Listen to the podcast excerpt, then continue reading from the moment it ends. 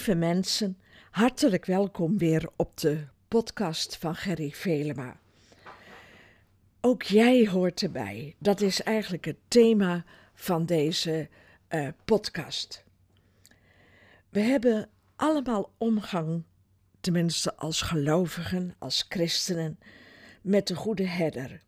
En Jezus heeft van zijn kudde gezegd: Mijn schapen zullen naar mijn stem luisteren ze zullen naar mij horen en mijn stem verstaan.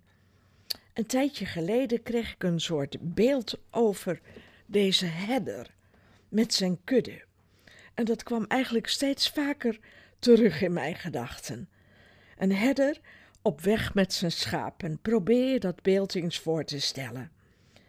Ik heb wel eens een foto gezien met een herder die midden uh, of die voor de kudde uitloopt en de kudde volgt de herder. Maar ik heb ook wel foto's gezien dat een herder ergens in het midden van de kudde loopt. En hij houdt de schapen ver vooraan in de gaten, gooit af en toe een steentje naar ze om ze te corrigeren als ze te ver voor hem uitgaan. Hij overziet ook de schapen rondom hem, dichtbij hem, en hij kijkt ook regelmatig achter zich naar de achterhoede van zijn kudde. Komt iedereen wel mee? Nou, als je het werk van de bemoedigingssite een beetje kent, dan weet je dat de tekst versterk hetgeen dreigt te sterven. Let op die mensen die achterblijven. Dat is eigenlijk het hart van de bemoedigingssite. Bemoedig hen die moe van het lopen zijn geworden. Die denken dat er aan de strijd nooit een eind gaat komen, dat de nieuwe dag nog lang niet in zicht is.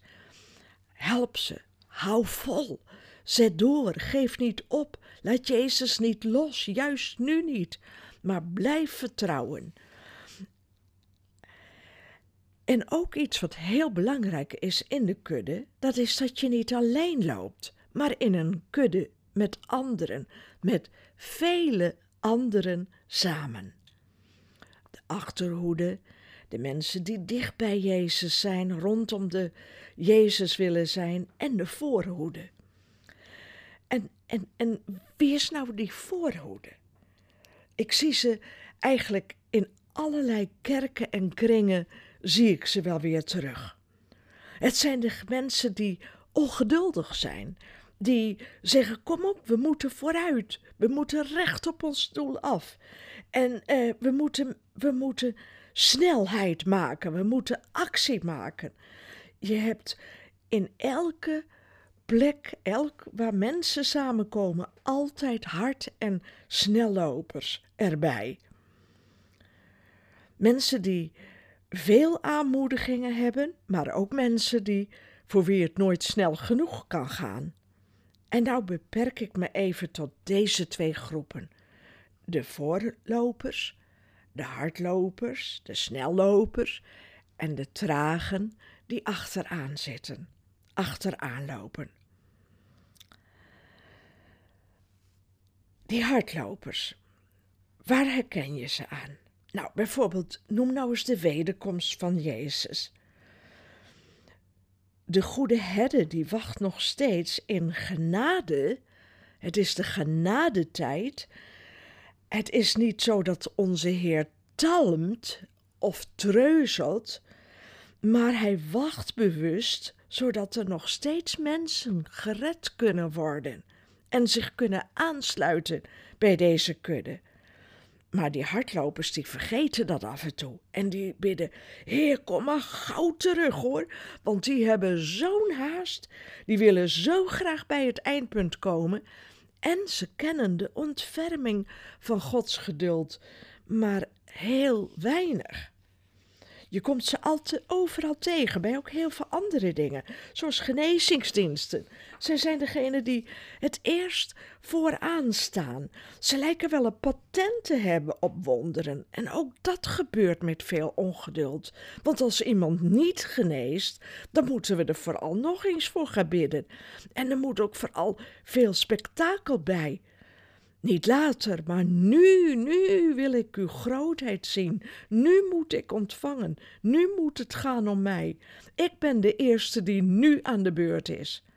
En als je denkt, nou Gerry, nou vind ik je toch wel echt een beetje onaardig tegenover die hardlopers, laat me dan je vertellen dat ik mezelf juist herken in deze beschrijving.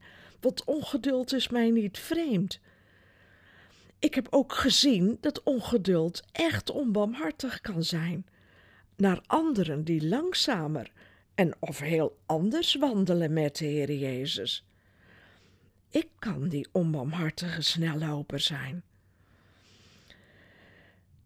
Zij die geloven, die haasten zich niet. Die haasten zich niet. Of het nou gaat om of je heel veel weet van de Bijbel en over de eindtijd en over de antichrist en over profetie en over het koninkrijk van God nu op aarde. Overal zie je steeds dat bijeffect van die vurige toewijding. Ze jagen de rest van de kudde ermee op. Haast en ongeduld. Uw koninkrijk komen, uw wil geschieden. Dat gebed is al 2000 jaar oud. En we kunnen het werk van God niet bespoedigen met welke haast of ongeduld ook. Met welke spanning en inspanning van onszelf. Al meer dan 2000 jaar leven wij in de eindtijd. En eigenlijk, als je goed kijkt naar de Bijbel, zou je zelfs grond kunnen hebben dat in het Oude Testament ook al het besef en het geloof was van een eindigheid van de wereld, dat zal samenvallen met de voltooiing en de overwinning van het Godsrijk. Denk maar eens aan woorden van Jesaja. Eindtijd is heel diep verweven met het geloof in God.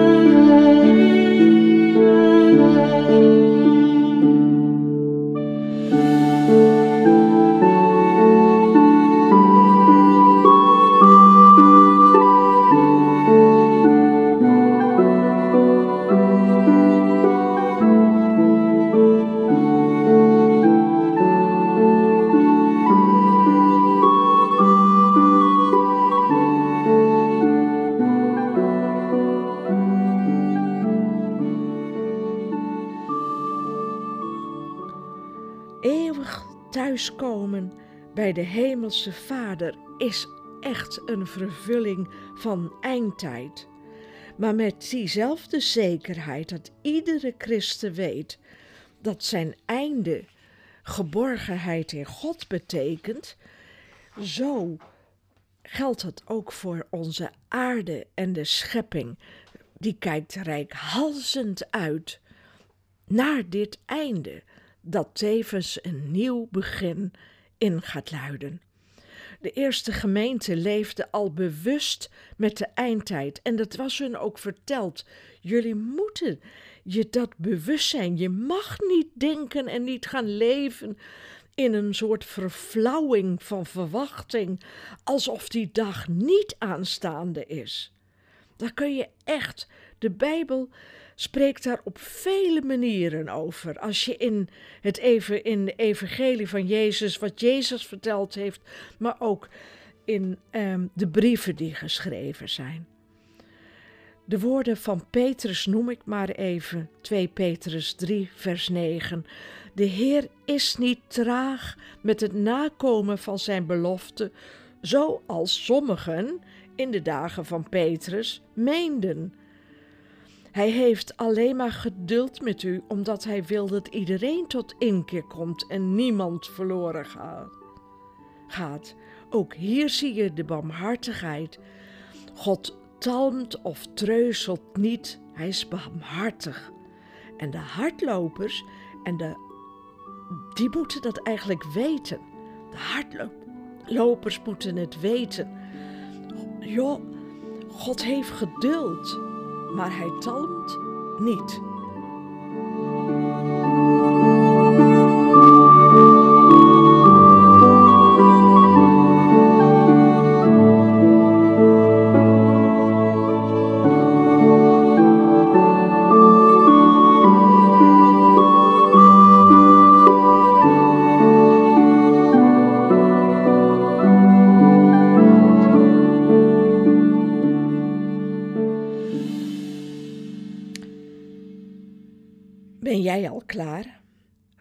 Jezelf eens af als de Heer Jezus morgen terugkomt.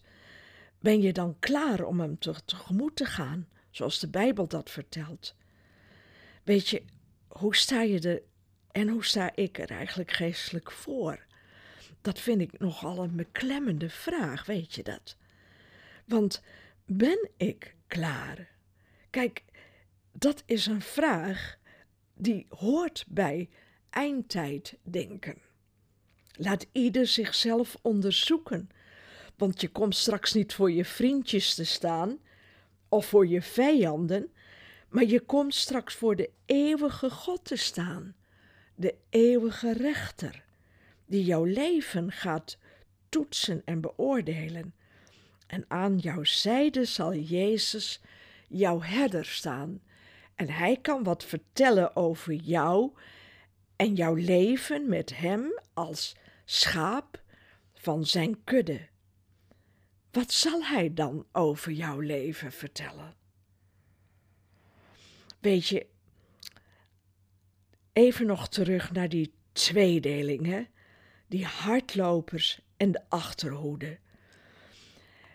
Weet je dat de herder allebei groepen even lief en dierbaar heeft? dat mensen niet worden gedisqualificeerd omdat ze hardlopers zijn. En dat mogen wij dus ook niet doen, onderling. En je mag mensen ook niet disqualificeren omdat ze tot de achterhoede behoren. Zij hebben juist des te meer aanmoediging en vertroosting nodig. De tweedeling in onze wereld lijkt zo scherp. Is, is een kerkdienst sluiten God ongehoorzaamheid, gehoorzaam zijn? Uh, is vaccineren God ongehoorzaam zijn? Is niet vaccineren God, onge God ongehoorzaam zijn? Laat iedereen luisteren naar zijn eigen geweten. Naar zijn eigen geweten. Weet je, als je nou aan zo'n kerkdienst denkt, Denk dan ook eens aan het volk Israël dat al bijna 2000 jaar zonder de tempel leeft. Dat ze niet de heilige naar de heilige voorschriften kunnen komen in het voorhof om te offeren zoals hun is opgedragen. En denk je dat God daarom hun verstoot? Zou God dan ons verstoten als we nu niet samen kunnen komen, terwijl we dat wel heel graag willen, en trouw de streamings van onze eigen samenkomsten niet verzaken, maar volgen. Het is allemaal zo heel diep in ons verankerd, dat snel oordelen. Maar Jezus zegt in Johannes 10: nog andere schapen heb ik die niet van deze stal zijn. Ook hen moet ik weiden en het zal worden één kudde en één herder. Hoe vind je dat nou? Dat Jezus zegt dat hij ook nog andere schapen heeft die helemaal niet eens van deze stal zijn. Wie zijn dat eigenlijk? En van welke stal zijn ze dan? En weten ze dan wel hoe onze huisregels zijn van onze stal? Weet je, Laat Jezus nou jouw herder zijn en volg jij Hem En laat al dat oordelen en beoordelen maar over aan de herder, die jou ook roept om hem te volgen. Amen. Dit was weer een mooie bemoediging van Gerry Velema. Wilt u ook bemoedigen of bemoedigd worden? Kijk dan op bemoedigingssite.nl.